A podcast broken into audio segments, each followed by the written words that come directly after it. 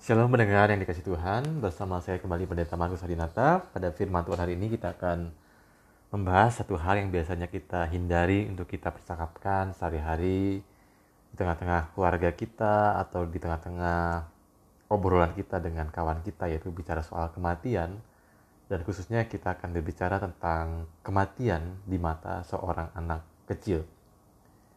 Pada seorang anak berusia lima tahun ketika ayahnya meninggal dunia ia heran melihat mamanya nangis terus dan bahwa semua orang di rumah tiba-tiba menjadi sibuk dan suasana rumah menjadi ramai. Ada banyak pihak keluarga dari ayahnya maupun ibunya yang datang ke rumahnya. Pertanyaannya adalah apakah pada usia anak lima tahun tadi anak itu dapat merasakan kesedihan akibat kematian. Banyak orang mengira bahwa anak kecil belum mengerti kesedihan akibat kematian. Memang pada hari-hari terjadinya kematian ia tidak tamak sedih. Baru-baru ini saya melayani ibadah kremasi. Lalu saya melihat anak dari seorang perempuan yang sudah dipanggil Tuhan. Dia digendong oleh papanya, dia tunjuk ke peti mati, dia tidak menangis. Namun dia tanya, apa itu? Dan tidak nampak raut sedih dalam wajahnya. Ya, punya saudara, dia bisa bermain, berkelahi seperti biasa, bahkan ketika peti itu masuk ke dalam lubang tempat akan dikremasi. Namun hari-hari selanjutnya seorang anak kecil tadi pastilah mengalami berbagai macam gejolak perasaan akibat terjadinya kematian.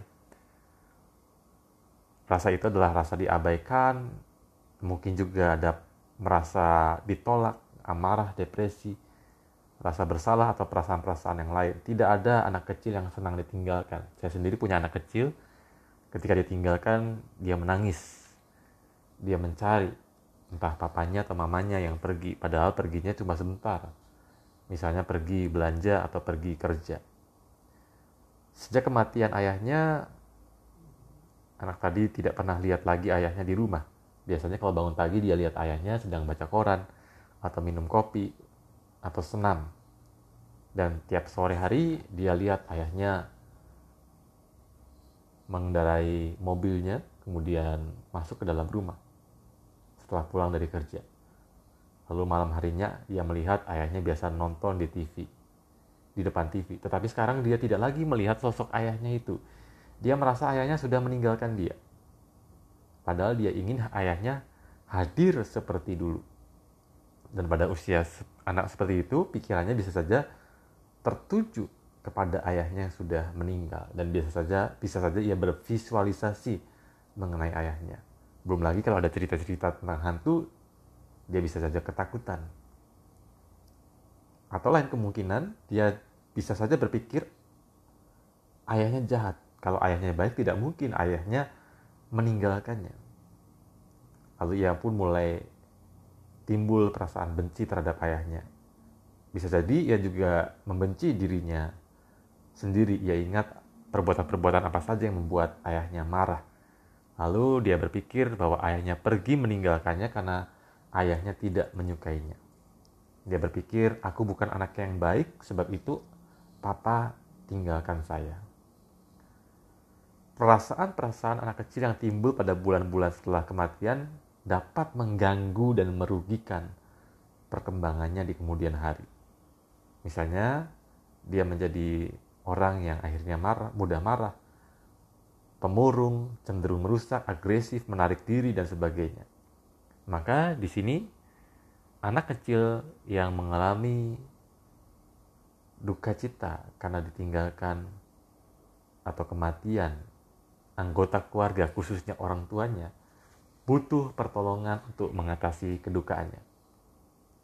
Banyak orang tua salah paham tentang hal ini mereka tolong anak mereka untuk mengajak mereka melupakan dengan sama sekali tidak berbicara tentang orang yang sudah meninggal atau mengalihkan perhatian mereka pada mainan atau pada hiburan yang lain. Cara demikian hanyalah menutupi luka akibat kesedihan. Padahal yang dibutuhkan seorang anak kecil adalah menyembuhkan luka itu.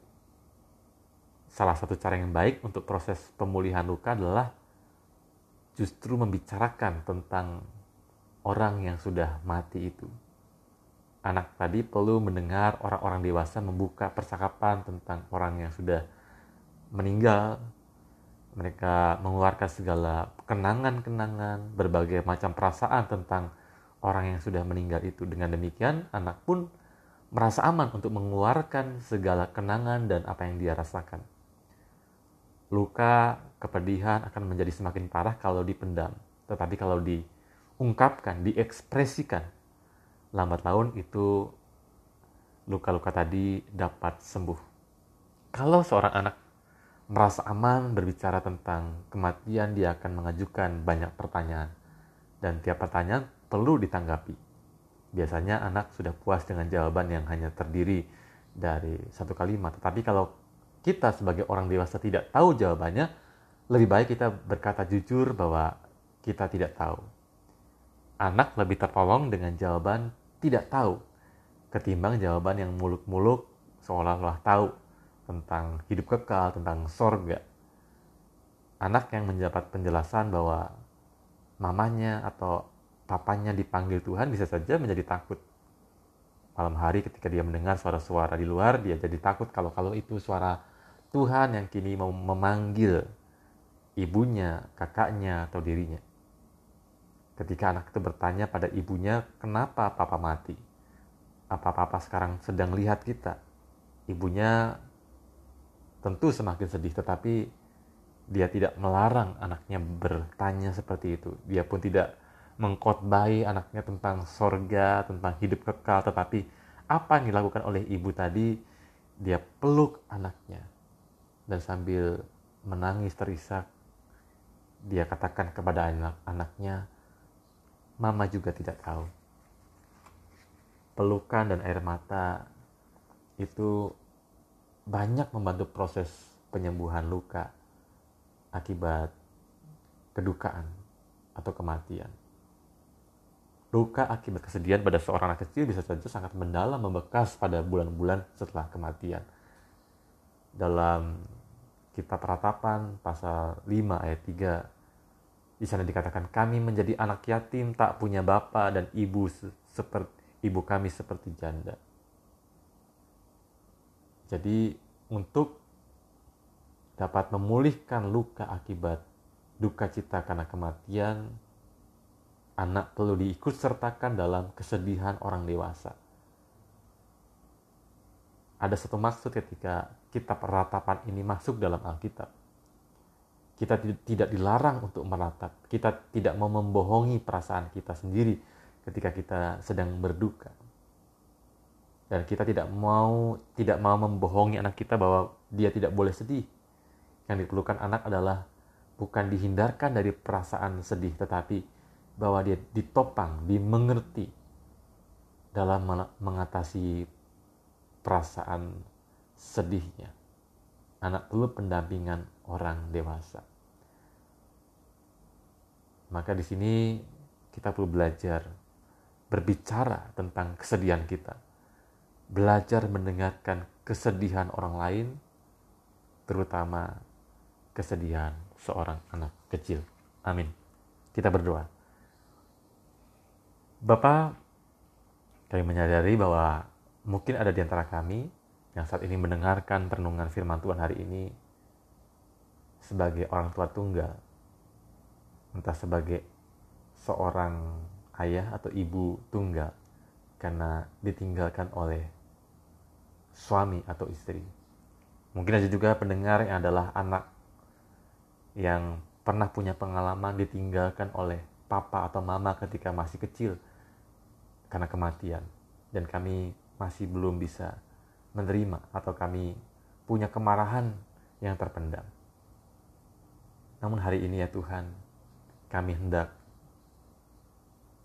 mencurahkan segala ratapan kami di hadapan Tuhan pulihkanlah kami agar kami boleh menjadi pribadi yang sehat, pribadi yang terus bertumbuh ke arah yang lebih baik. Dan tolonglah kami sebagai orang-orang dewasa untuk lebih mau memahami anak kecil yang sedang mengalami kedukaan. Amin.